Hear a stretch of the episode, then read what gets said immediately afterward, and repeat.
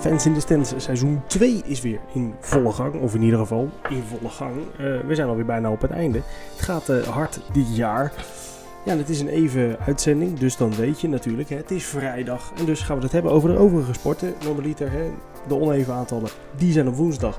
En die gaan over voetbal. Nou, de even getallen, die zijn op vrijdag. En die gaan over de overige sporten. Dat heeft alles ermee te maken dat Jorrit aan de overkant van de lijn ja, die is uh, uh, nog steeds helaas in Engeland. Maar dat is bijna over. En dus doen we niet meer een uur lang discussie. Maar zes opmerkelijke sportverhalen van de afgelopen week. En Jorrit, jij bent uh, de archieven volgens mij voor ons ingedoken. En hebt vanuit de afgelopen week wat moois weten te vinden. Uh, ja, zeker Filip. Ja, dankjewel voor de introductie. Uh, ik wil vandaag graag openen met uh, nieuws uit de zwemwereld. Een sport die we eigenlijk veel te weinig behandelen in mijn optiek. Um, is heel vaak ook niet zo heel veel nieuws over, maar vaak laten we het toch ook links liggen. Vandaag is het dan iets wat jammerlijk nieuws, aangezien voormalig wereldkampioen Ruta Meiluiten al op 22-jarige leeftijd heeft besloten het badpak aan de wilgen te hangen als het ware. De Litouwse die komt uit een, uh, naar eigen zeggen, beladen periode. Waarin ze zelfs kampte met een depressie. En die kiest er nu voor om verder te gaan met, uh, ja, met haar studie. Om daar alles op te gooien en dan um, daar carrière in te maken. Een bijzonder groot verlies voor de zwemwereld. Want als 15-jarige veroverde Meiluiten al een wereldtitel. En ze zelfs wereldrecords op de korte afstanden. Zoals de 50 meter en de 100 meter. Ook voor de algemene sport in Litouw is het een hard gelach. Aangezien Meiluiten de eerste sportster uit het land was met een Olympische gouden plak. Ik geloof dat het zilver in uh, Londen was. Misschien waren het wel de verwachtingen die de problemen veroorzaakten. Want op de vorige Spelen kwam ze er niet meer aan te pas. Dat was in Rio. En wisten dus geen goede indruk achter te laten. Misschien voelden ze die druk toen al. Maar de andere kant van het verhaal is ook niet fraai hoor. Want na verluid zouden haar whereabouts voor een dopingtest niet goed zijn doorgegeven door haar team. En hing haar een driejarige straf, straf boven het hoofd. Een driejarige schorsing. En die weet ze nu met ja, deze iets wat creatieve, wel definitieve manier te omzeilen. En uh, ja, de plaaggeest voor veel Nederlandse korte baanswemsters is niet meer. Maar het is wel, uh, dat viel mij op. Het is het tweede dopingverhaal, zeg maar, in korte tijd. Je had natuurlijk ook uh, Kira Toussaint in de zomer van vorig jaar. Die is eigenlijk wel vrijgesproken. Maar ehm, ja, ik vraag me af, is doping in het zwemmen, is dat ja, net als eigenlijk bij elke andere sport, behalve tennis en wielrennen, een ondergeschoven kindje? Nou, je zou het bijna gaan denken, toch? Ja. Dat, ja, ik, dat, ja. dat er ergens iets van een verbandje wel in zit. Want ja. Ja, maar dat, dat, dat, dat sowieso zwemmen en doping heeft altijd wel iets gehad. Want je heeft, hebt ook een hele tijd gehad, maar dat is echt wel lang geleden. Volgens mij de tijd van Erika Terpstra nog. Dat toen was er een Oost-Duitse zwemster. Nou, die had, die had zoveel testosteron in haar lichaam, dat kon helemaal niet. Oké, oké. Ja, ik viel, het ja, is bijna net een man was dat. Dat was echt heel apart om te zien. Oké, nou ja, de uh, Casper Semenya van het uh, zwemmen dan, hè. Nee, maar wat mij toevallig opviel bij deze is, ja, ze is al 22, maar ze zwemt al sinds haar 15e. Dus ze is ook al 7 jaar in de, in de running. Ja, dan lijkt een burn-out lijkt mij, uh, nou, op zich niet heel erg onlogisch. Het is alleen jammer dat dat, dat dopingverhaal er dan weer aankleeft, als het ware. Always doping, toch? Het, ja. het, is echt waar je kijkt, vind je wel wat, denk ik. Dat ja, is mijn gevoel ja. erbij, hoor. Maar het is wel gunstig voor de Nederlandse korte baanswemmers. Meiluid was een, een hele grote concurrent. Um, samen met Karlström eigenlijk wel de grootste nou ja, voor uh, bedreigen van Nederlandse korte baanswemmers. Zoals bijvoorbeeld Heemskerk en Chrome Jojo. En uh, ja, met het oog op Tokio valt toch een hele belangrijke concurrenten weg. Ja, precies. Dus dat is, dat is voor de Nederlandse zwemsters in ieder geval een, een, een hard gelach. Ze kunnen, ze kunnen in ieder geval wat meer kans hebben op een, op een ticket. Dus dat kunnen we ze uh, positief wel meegeven. Maar ja, ja, ik vind het altijd wel zonde als zo'n jong talent waarvan je denkt, nou die gaat het wel halen, dat die er dan ja, mee stopt. Maar ja, die druk, uh, we, we, volgens mij hebben we het er al een keer over gehad. Genoeg sporters geweest die uh, gestopt zijn onder de druk.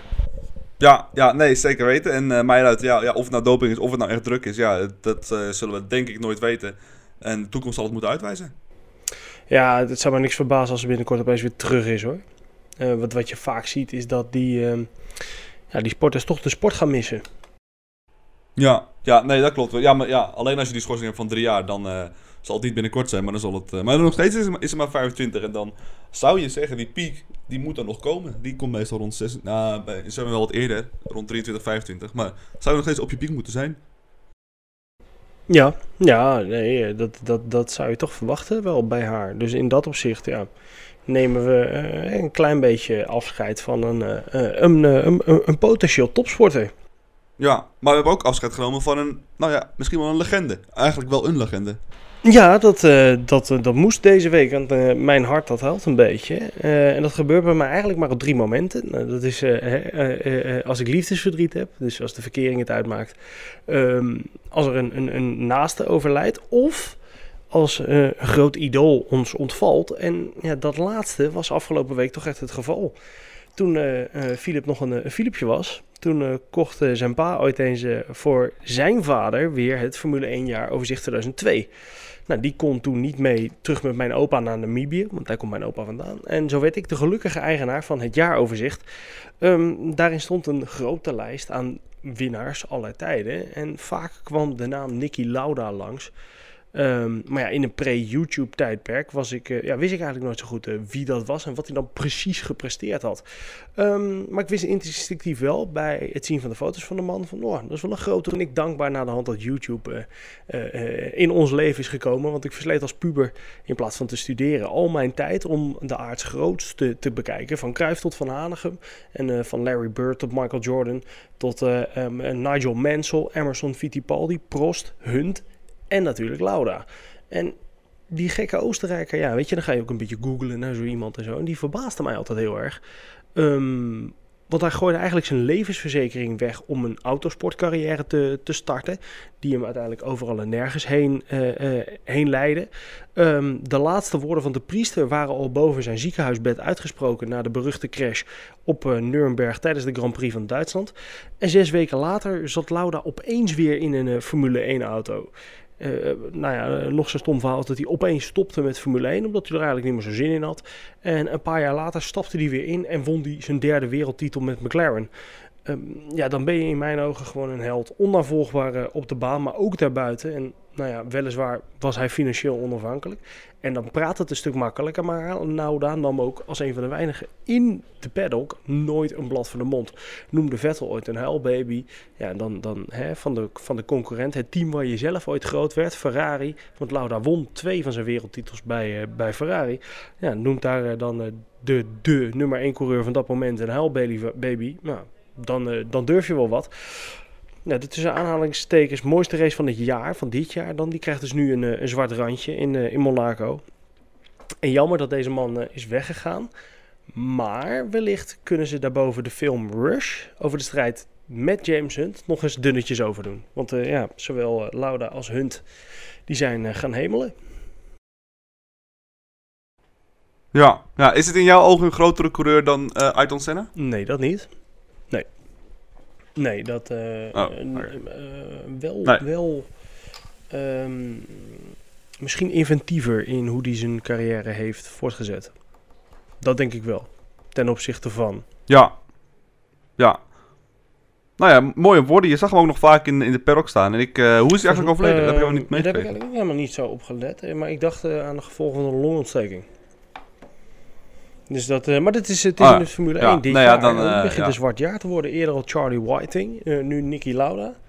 Nou, het moet, eh, het moet- niet harder gaan lopen. Ja, zeker weten. En wat jij zei inderdaad, een beetje als, als een, een zwarte bladzijde in de geschiedenis. En zeker met die eh, Monaco GP. Toch eh, een zwart randje inderdaad. En eh, ik ben benieuwd wat voor, Ja, eh, wat voor ze Hij was ook nog actief hè, bij Mercedes. Ja, zeker Hij deed ook nog echt wat binnen de huidige Formule 1. Dus dat, wat ik me wel altijd heb, afgev- heb afgevraagd, en ja, dat, dat kunnen we hem dus nooit meer vragen. Zou, zou Nicky Lauda hebben geweten dat hij een essentiële zin was in het nummer What's Gebeurd van, van de jeugd van tegenwoordig? Twee gezichten, één formule als Lauda en Nicky. Ah, ja. Nee, ja, nu je dat zo zegt. Ik heb die lijn nooit zo, nooit zo beseft. Maar nu je dat zo zegt. Inderdaad, ja.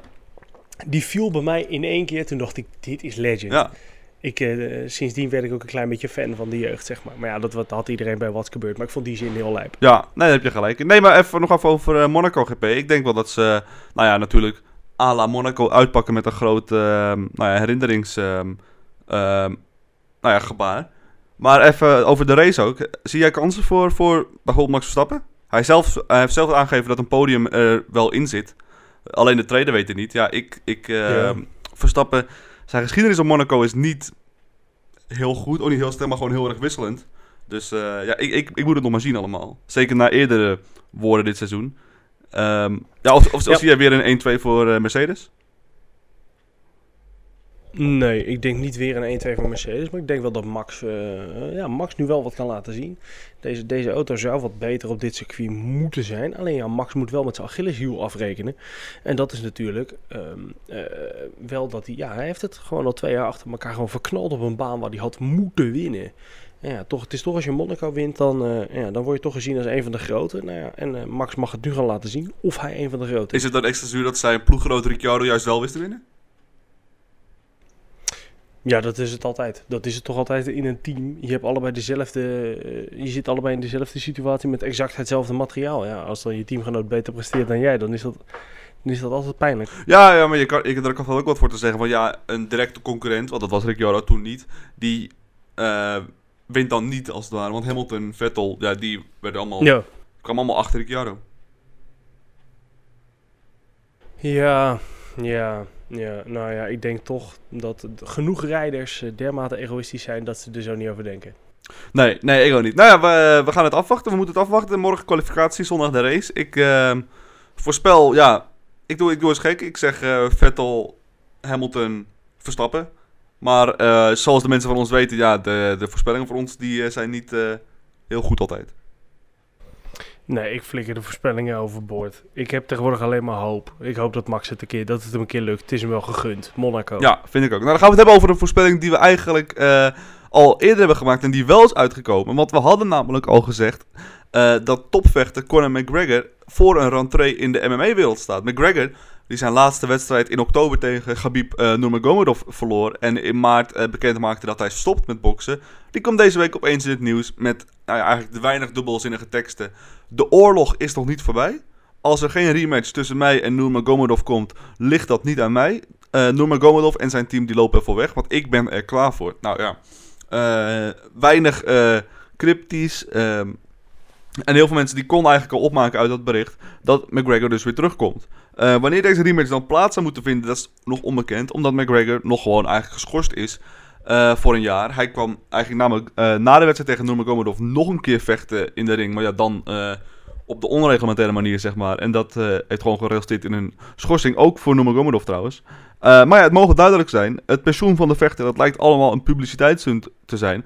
Zoals we eigenlijk wel van de IR gewend zijn. Die doet heel veel voor publiciteit. En ook in 2016 deed hij al eens hetzelfde. Namelijk zeggen dat hij uh, klaar was met de MMA, met de UFC. En nou ja, op pensioen ging dus. Om er ook na vier maanden alweer uh, de ring in te stappen. Een markant figuur. En eerlijk gezegd, ik ben wel een beetje klaar met die, met die, met die stunts de hele tijd. En zijn, zijn nou ja, aandacht ehm, zoeken. Want ik snap dat je een beetje promotie nodig hebt, maar uh, McGregor heeft de laatste jaren niet echt een, een track ratio waarvan je denkt, goh, nou, dat, dat, dat past bij jouw woorden. Hij heeft verloren van uh, Nurmagomedov. Van Diaz heeft hij één partij verloren waarin hij compleet werd overklast. Uh, Mayweather, die hij zelf heeft uitgedaagd en die zei van, ja, zelfs met boksen pak ik jou, is gewoon op ervaring en echt op, op, nou ja, op, gewoon op, op kwaliteit uh, over hem heen gelopen. En ja, dat zijn toch drie gevoelige verliespartijen. Dus ik denk als hij nu weer met zoveel heisa in de media komt en weer met zoveel heisa uh, al die dingen veroorzaakt, al die, al die commotie, ja, dan uiteindelijk gaat het wel tegen je werken. Ja, zo toch ben je er echt klaar mee. Nou ja, ja ik ben wel. Uh, ja, ik moet zeggen, ik denk nu, ik ben niet, niet per se klaar of, of boos met hem, maar wel van, ja, weet je, als je zoveel, als je zoveel heisa in de media veroorzaakt, zorg dan wel dat je je woorden een beetje kan, uh, nou ja, dat, je, dat je wel achter je woorden kan staan, weet je wel. Dat je wel een beetje iets wil om het een beetje te back-uppen. Want ja, met dit, met zijn laatste paar gevechten, het is gewoon niet echt om over naar te schrijven. Nee, nee, ben ik met je eens. Dat uh, de man begint meer een soort media-stunt te worden dan dat hij daadwerkelijk echt een, uh, een topsorter is. En dat, dat, dat vind ik wel zonde. Weet je, uh, een, een groot sportman begint toch bij de sport zelf. En daarna pas komt, uh, komt de rest. In ieder geval, weet je, ik heb nog nooit een heel sympathieke uh, man in het Nederlands zelf gezien, omdat hij sympathiek is. Ja, misschien onder Marco van Basten, dat Kevin Bobson heel sympathiek was of zo, of Romano Denneboom. Maar uh, weet je, dat, ja, we, daar hebben we er genoeg van gehad. noem een aantal rutjes. nou, er zijn zeeën aan sympathieke sporters op te noemen. Of um, sporters die, die, die goed zijn en handig zijn in media-aandacht genereren. Maar ja, Weet je, zorg er dan gewoon eerst voor dat je doet wat je moet doen. Ja, zeker weten. En ook omdat zijn uh, privé... Uh, ja, we hebben het al eerder, over gehad in een andere podcast. Zijn privéleven, uh, dat werkt de laatste ook niet mee. Hij heeft eh, nu een aanklacht lopen in Las Vegas voor het vernielen van een telefoon. Eh, hij heeft een seksuele intimidatieklacht lopen in, Ierland. Dus ja, hij, moet hij moet eventjes nu weer wat positiever in het nieuws komen. En nou, dan is dit wel een do-or-die moment. Ja, daar lijkt het wel op eh, dat het een do-or-die moment is. Maar ja, ik vind het wel raar. Ja, ja zeker weten, zeker weten. En ehm, ik ben benieuwd hoe het afloopt. Ik ben benieuwd hoe het afloopt. Maar ja, het zal sowieso nog heel lang duren. Want ja, die, die schorsing die loopt er dus nog steeds. Nou ja, de UFC zou al zijn geloofwaardigheid verliezen. Als ze die schorsing die ze heel controversieel hebben opgelegd ook nog een keer weer intrekken. En eh, Gaan ze niet doen. nee, dat, dat, dat kan eigenlijk echt niet. Eh, ze hebben al heel veel geloofwaardigheid verloren door Nurmagomedov harder te schorsen dan McGregor. Wat eigenlijk nergens op sloeg. Want ja, ik zeg altijd, waar, waar, ja, waar twee vechten hebben twee schuld. Maar ehm, ja, dus als je dan ook die straf ook nog gaat veranderen, dan verlies je gewoon alles. Alle geloofwaardigheid. Nee, ben ik met je eens. Ja, nou ja, dat eh, schiet lekker op. Dan gaan we door naar de, Nou, hè, naar de volgende. ja, Ja, we, zijn het, we zijn het vaak eens dit, over dit gaat wel lekker aflevering worden. Dat gebeurt niet zo vaak. Ja, nee, eh, eh, straks, straks gaan we elkaar nog aardig vinden, joh. Dan moeten we Nee, dat zou heel erg veel. Ehm, nee, nee, ja, dan moeten we echt de krant gaan bellen. Maar ehm, eh, ik heb ook nog een, een, een, verhaaltje. Ehm, ja, ja, ik zit een brug te verzinnen, maar ja, ik heb even geen brug. Nou, dan een keer niet. De Nederlandse volleybaldames, die, eh, die gaan op dit moment niet zo heel lekker. Eh, de competitie in Nederland die is in ieder geval afgelopen. En eh, ja, na een vierde plek op het eh, eh, WK van vorig jaar, de tweede plek op het EK 2017 gaat het nu in de Nations League, een beetje stroef. De dames van eh, bondscoach Jamie Morrison die verloren eerder deze week met 3-0 van regerend wereldkampioen Servië. En met 3-1 werd, het, eh, eh, werd er verloren afgelopen woensdag van Turkije.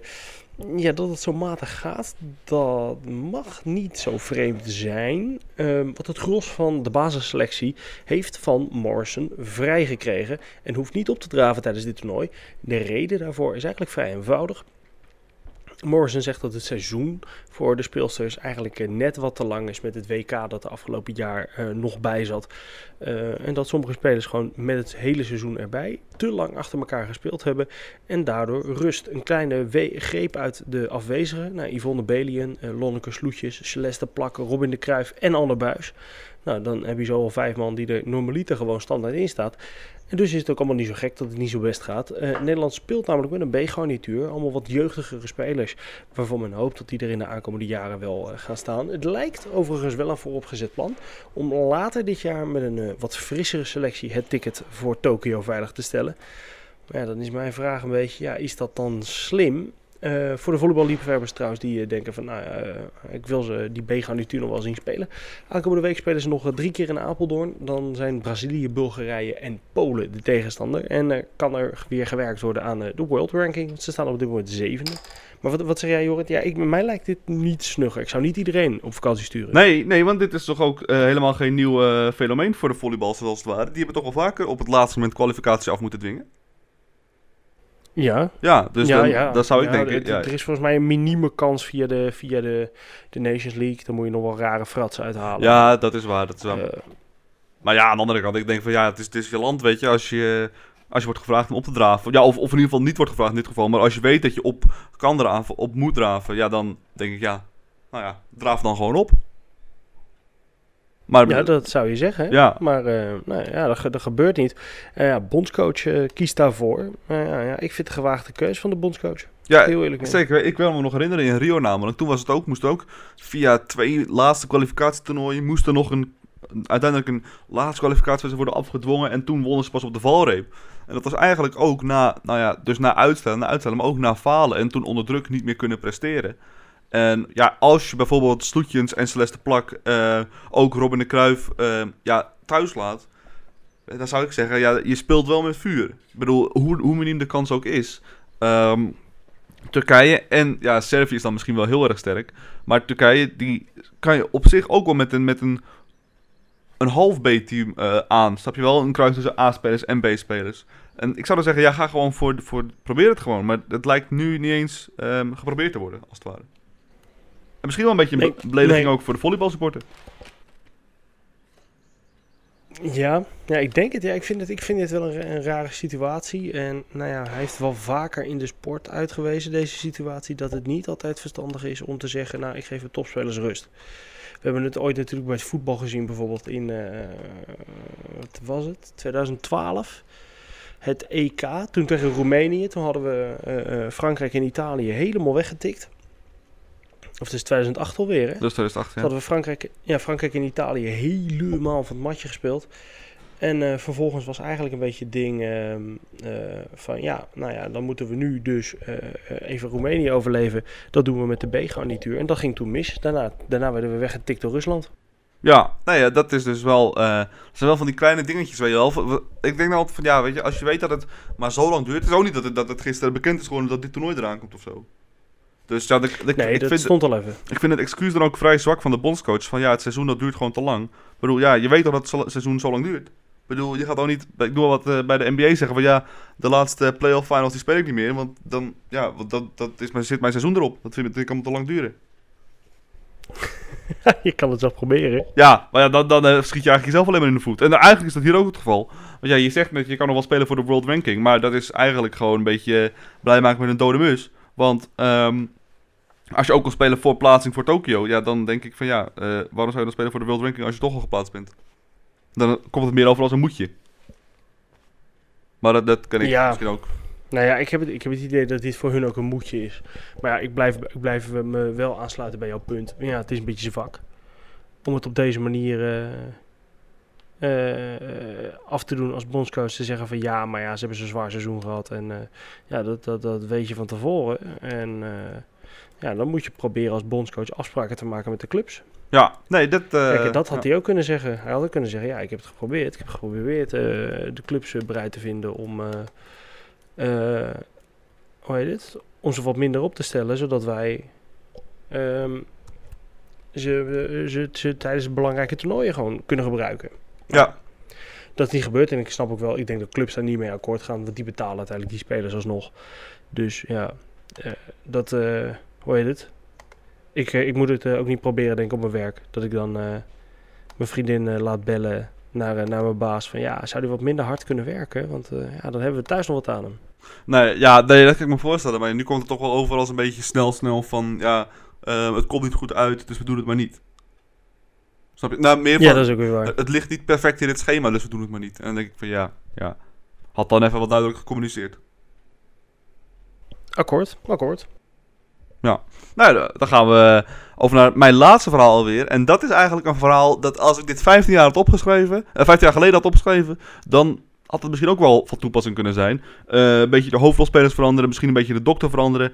En ja, dan zijn we eigenlijk gewoon weer bij hetzelfde nieuws. Het gaat namelijk over doping in het wielrennen. En ja, dan zullen vele mensen zeggen, waaronder jij Filip, eh, ja, dat is toch een beetje als eb en vloed, de zon en de maan en misschien ook wel ram en kaas. Eh, ik noem maar wat, eh Feyenoord en verliezen. Maar toch, ik ben toch altijd weer een beetje geschrokken als er een nieuwe zaak bij komt. En naast de immer voordragende zaak met eigenlijk wel de meest bekende dokter, de Spaanse Eufemiano Fuentes, Eufemiano, hoe je het ook uitspreekt, lijkt ook de zaak omtrent de Oostenrijkse dokter Schmid ja, toch wel vieze vormen aan te nemen. Ook deze Giro d'Italia zijn er weer verschillende gevallen van doping aangetroffen.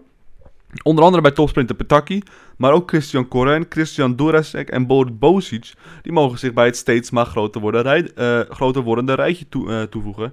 En ja, we hebben het al eerder over Dr. Smit gehad. Ook in het biathlon, ook in eh, het vrouwenwielrennen. er zit, zit toch wel zijn afdrukken van ja, vaak op het randje. En soms zelfs er net over. En ja, ik, ik vind dat heel, heel jammer dat er nog steeds gewoon... ehm er is nog steeds zoveel dopingzaken in het wielrennen zijn.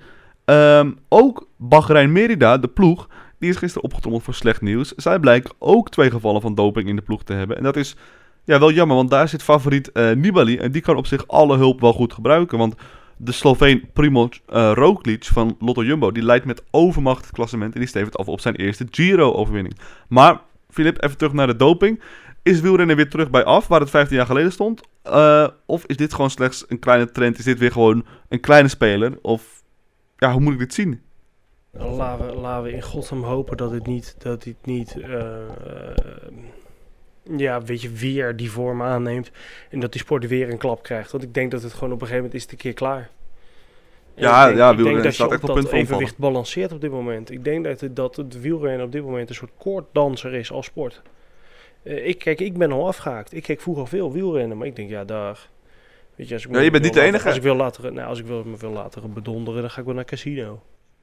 Ja, nee, maar je bent niet de enige. Eh, Tom Dumoulin die heeft bijvoorbeeld zijn eigen eh, Tom Dumoulin selectiedagen al om kinderen wat meer op de fiets te krijgen. En als je dat even doortrekt, is het natuurlijk omdat steeds minder mensen gewoon geïnteresseerd zijn ja, in echt wielrennen zelf. De, de, de wielrenploegen, de wielrenclubs in Nederland, die lopen gewoon leeg. En er wordt gewoon gezocht naar nieuwe leden. Maar die, die zijn er gewoon niet. En ja, ik denk dat dat wel te maken heeft met toch het, het twijfelachtige imago dat, dat rond de sport kleeft als het ware. Ja, ik denk dat dat zeker meespeelt. Eh, ja, als jij dan toch moet kiezen een, eh, een, een, een sport waar iedereen aan de druk zit of eh, lekker voetballen, nou, dan lijkt mij de keuze snel gemaakt, toch? Ja, ja, nee, zeker weten. Ja, het is ook een dure sport, maar... ja, het, het Ja, gewoon... is niet goedkoop, nee.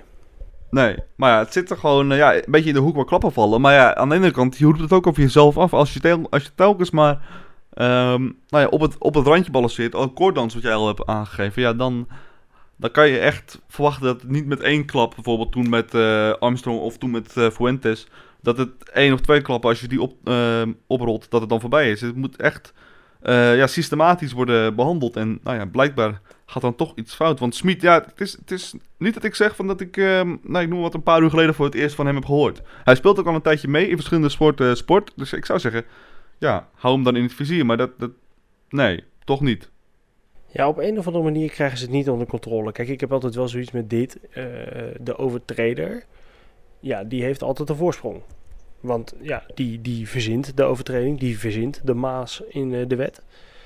En nou ja, dan moet uiteindelijk de wetgever, ja, nu eh, de UCI is dat volgens mij, ja, die moet daar achteraan. En dat, dat Ja, ik, ik, ik weet het niet. Het is ook niet zo dat, dat wielrennen namelijk dokters eh, schorst. Zoals ehm, basketbal bijvoorbeeld wel dokters schorst. Zoals voetbal wel bijvoorbeeld gewoon medische instituten niet mee in zee wil gaan. Dat, dat doet eh, het wielrennen niet. Die schorsen middelen, die schorsen, eh, die schorsen gebruiksmethoden. Maar dokters en instituten zelf, die worden niet geschorst. Dus ja, dan, dan geven ze ook, dan laat je die deur eigenlijk permanent op een kier staan om altijd ehm, nou ja, nog verder te kunnen komen. En altijd weer, weer terug te kunnen komen. En ja, dan, dan roep je dat wel over jezelf af, vind ik ook hoor. ja, misschien toch een gevalletje boter op het hoofd. Ja, ja of een bord, eh, bord voor het kopje. Maar Ja. ehm, ja, een, een, een trieste zaak. Ik, ik, ik vind het echt, eh, ik, ik ben weer echt van opgeschrokken. Ik ben niet van geschrokken, maar wel heel erg in teleurgesteld. Omdat, ja, dus wat ik net zei, die, die, die gang van zaken is gewoon zo, zo voorspelbaar en toch verkeerd. Ja, nee, klopt. Klopt. Dat, ehm, nou ja, kijk, ik heb misschien trouwens ook wel iets wat, eh, wat, wat ehm, samengaat. eh, als, we, ik weet niet welke je allemaal gebruikte, de zon en de maan. En, App en vloed, ham en kaas. Ja, ham en kaas inderdaad. Nou, de, de Golden State Warriors en de NBA Finals. Dat is er ook zo eentje. Ja, waar onze hoop toch echt lag op eh, Damian Lillard en CJ McCollum. Is dat helaas eh, ijdele hoop gebleken. Voor eh, de liefhebber dan. Want, of in ieder geval, ja, ik noem mezelf dan liefhebber, maar ik ben een beetje klaar met Golden State. Ondanks dat het close was, werd het een clean sweep voor Steph Curry, Klay Thompson, Draymond Green en de Glory Hunters. Kirk Cousins, Kirk Kevin Durant. Ehm, eh, ja, het Westen, dat is dus al eh, eh, gespeeld. Daar is de finalist bekend. Maar, vrienden, het is in het oosten nog spannend. Want eh, de Bucks, die eh, maakten in Milwaukee twee keer gehakt van de Toronto Raptors. Wonnen dik. Maar onder leiding van Kawhi Leonard en zijn eh Canadezen, eh, zijn de Canadezen opeens teruggekomen tot 2-2. Waar de eerste pot in Toronto slechts 6 punten verschil had, 118-112, ging het woensdag hard. De Raptors in Toronto, die eh, ja, gingen eh, op, het, op het gaspedaal staan in game 4. Dat was eigenlijk wat er gebeurde. En hebben de voet er niet meer van afgehaald. Ehm, en dat resulteerde in een 120-102 voor Leonard, Lowry en de zijne. Ja, de Bucks die hebben wel het thuisvoordeel. Dus als dit eh, ehm, eh, om en om zou gaan, dan gaan de Bucks naar de finale met Giannis Antetokounmpo.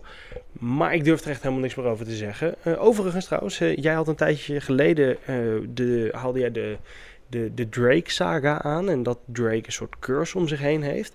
Ehm, nu heeft Drake die curse omgedraaid. Hij gaat namelijk tegenwoordig op de foto met het shirt van Giannis Antetokounmpo. En sinds hij dat doet, verliezen de Milwaukee Bucks. Ja, ja, klopt. En ik heb het uh, gelezen allemaal. En Antetokounmpo is echt niet blij met Drake. Dat zijn echt geen vrienden. Ook omdat Drake natuurlijk altijd uh, langs de zijlijn zit en, en staat. En dan... Hij is nogal het stereotype uh, fanatieke fan. Dus hij loopt de hele tijd langs. En Um, toen Antetokounmpo, ik geloof, vorige wedstrijd twee keer een vrije worp moest nemen en dat hij miste. Nou, zat hij te blaren langs de zijlijn en het hele stadion op te hypen. En nou, het schoot bij Antetokounmpo echt in het verkeerde keelgat. En ze hebben nu een publieke ruzie uh, van ja, Drake moet, mag niet meer aan de zijlijn zitten. Uh, Drake moet weg. En um, nou ja, het zit, hij zit dus wel echt in het hoofd van Antetokounmpo. En dat is misschien wel wat ja. hij wil bereiken. Uh, aan de andere kant, Toronto Raptors, die, die, ja, die um, zeg het wel, roep het ook een beetje over zichzelf af. Ze hebben Drake namelijk afgelopen week een uh, jas cadeau gedaan van de Raptors. Ter waarde van 800.000 euro. Dus ja, als je dan verliest, dan weet je in ieder geval waar het dan ligt. En dan heb je het echt over jezelf afgeroepen. Wacht, de, de Bucks hebben hem een jas cadeau gedaan of de Raptors? Nee, nee, nee, nee, nee. De Raptors hebben hem zelf een jas cadeau gedaan van de Raptors van 800.000 euro. 800.000 euro, waar is die jas van gemaakt dan? Ja, van, er zit diamanten in en alles. En het is speciale. Omdat Drake is uh, deel-eigenaar van dus die Toronto Raptors. En samen met zijn merk uh, OVO is hij uh, ja, gewoon eigenaar. En als, ja, als bedankje kreeg je even een, een, een jas van 800.000 euro. Nou, dat, ik ga gauw sponsor worden. Ik weet nog niet waarom, ja, nee, ja. maar... ja. Als, nee, dit, klopt, als, dit maar, cadeautjes, als dit de cadeautjes zijn, daar ben ik bij hoor. Ja, zeker. Ja, hij was er ook uh, vrij blij mee, maar dat kan ik me ergens wel, uh, wel voorstellen. met, met, als je een jas krijgt van die waarde en je zegt, nou, dat vond ik echt kut. Dat had je niet hoeven doen. Ja, dit, dit heb ik niet nodig. Nee. maar terug naar het basketbal. Uh, terug naar het basketbal. Toronto tegen Milwaukee. Wie denk je dat uiteindelijk de overwinning gaat? Ja, ik, ik zet mijn geld nog steeds in op de Bucks. Alhoewel, ja, als je verdedigend toch weer kijkt naar, naar hoe, um, hoe Kawhi Leonard het af en toe oplost dan ga ik toch twijfelen. Die man is wel ja, goed, nou, Het wordt in ieder geval wel een, een clash. Eh, misschien wel de rest van het seizoen, hè? Want uh, ja, deze gasten die moeten uiteindelijk Golden State lastig maken in de finale. Nou ja, Golden State is, is begint op stoom te raken. Uh, maar vertoont ook wel de haarscheurtjes. Iets wat ze al eerder hebben gezegd. Misschien wel wat we eerder hebben gehoopt. Maar um, ja, is nog niet meer zo goed als de volgende jaren. Tenminste in onze optiek. Dus misschien, ja, Milwaukee, Toronto. En uh, een verrassing. En misschien kunnen ze wel in, in zes, in zeven wedstrijden de, uh, de Golden State kloppen. Nou, kijk, weet je wat ik wel een grappig gegeven vond op een gegeven moment? Had je... Nou, jij kijkt ook, weet ik ook wel eens, bij hun op de website en ook wel eens de filmpjes bij Bleacher Report. Daar heb je Game of Zones. Dat is nou, een soort van Game of Thrones-achtige versie van de NBA en dan striptekenen. En daarin had je dus op een gegeven moment dat uh, Cousins gevangen was genomen door de Trailblazers.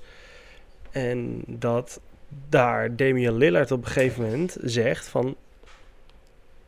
Uh, de, de, de Golden State Warriors gaan nu van binnenuit kapot. Want ze hebben uh, Cousins gehaald. En dat gaat ze slopen. Is het zo? En wat is de reden daarvoor? Uh, nou ja, dat, dat hebben uiteindelijk de, de, de, de verzinners of de bedenkers van die, van die serie bedacht dat ze dat Lillard laten zeggen. Maar er zit wel wat achter natuurlijk. Want nou, ik uh, acht de kans zeker niet onwaarschijnlijk dat zoiets nee. gebeurt.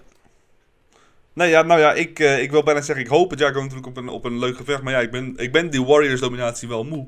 Um, nog wat mij wel opviel van de laatste, ik geloof dat het twee weken geleden is. De Golden State Warriors, die pakken hun hele franchise uh, op. Hun hele stadion, hun hele fan. En die verhuizen naar San Francisco. Niet heel verder vandaan, maar wel waarvan ik denk van, oh, dat gebeurt gewoon... Uh, nou, we hebben daar, daar ook al eerder over gehad, maar het, weer zo'n voor, weer, zo'n voordeel. Weer zo'n uh, gebeurtenis waarvan ik denk, ja, hoe kan dat nou? Dat dat gewoon kan. Ja, ja, dat, dat, ik snap het echt niet. Dat dat soort dingen ja, het zal aan mij liggen hoor, maar ik heb het nooit begrepen en ik ga het nooit begrijpen. Dat dat, dat gebeurt. Ja, misschien dat, dat, misschien dat door al die verplaatsingen het ook zo is dat de, de fancultuur in Amerika een stuk minder uh, extreem is dan in Europa. Maar ja, je zou je, hier ik lees vaak moeten proberen, joh, een club te verplaatsen. Nou. Nou, als je, als je Ajax in Den Haag zet, dan heb, je, dan, heb je, dan heb je een beetje een probleem. Maar als je Ajax in Utrecht zit, dan heb je ook een probleem. Nou, als je Ajax in Rotterdam zit, heb je ook een probleem. Maar ook als je PSV bijvoorbeeld in Alkmaar zet, ik denk niet dat, die, uh, dat de Alkmaar dan in één keer massaal voor PSV zijn. Nee, dat denk ik ook niet. Nee, nee, hier, Nee. eh, hier kan dat niet. Dus, eh, nee. Maar in Amerika kan dat blijkbaar ja, allemaal goed. Ja, met deze anekdote besluiten we wel de aflevering. Ehm, vond je het een leuke aflevering? Nou ja, lieve like, lieve commentje en eh, doe een subscribe. Wij zijn woensdag weer terug met ehm, volgens mij de laatste of de ene laatste voetbalaflevering alweer. Vind je dat dan niet leuk? Schakel dan vrijdag over een week in. Ehm, zijn we weer terug met een overige sportaflevering. Eh, geniet van het mooie weer. Vertel tegen je vrienden dat ze moeten luisteren. En mensen, fijn weekend en tot ziens. Later.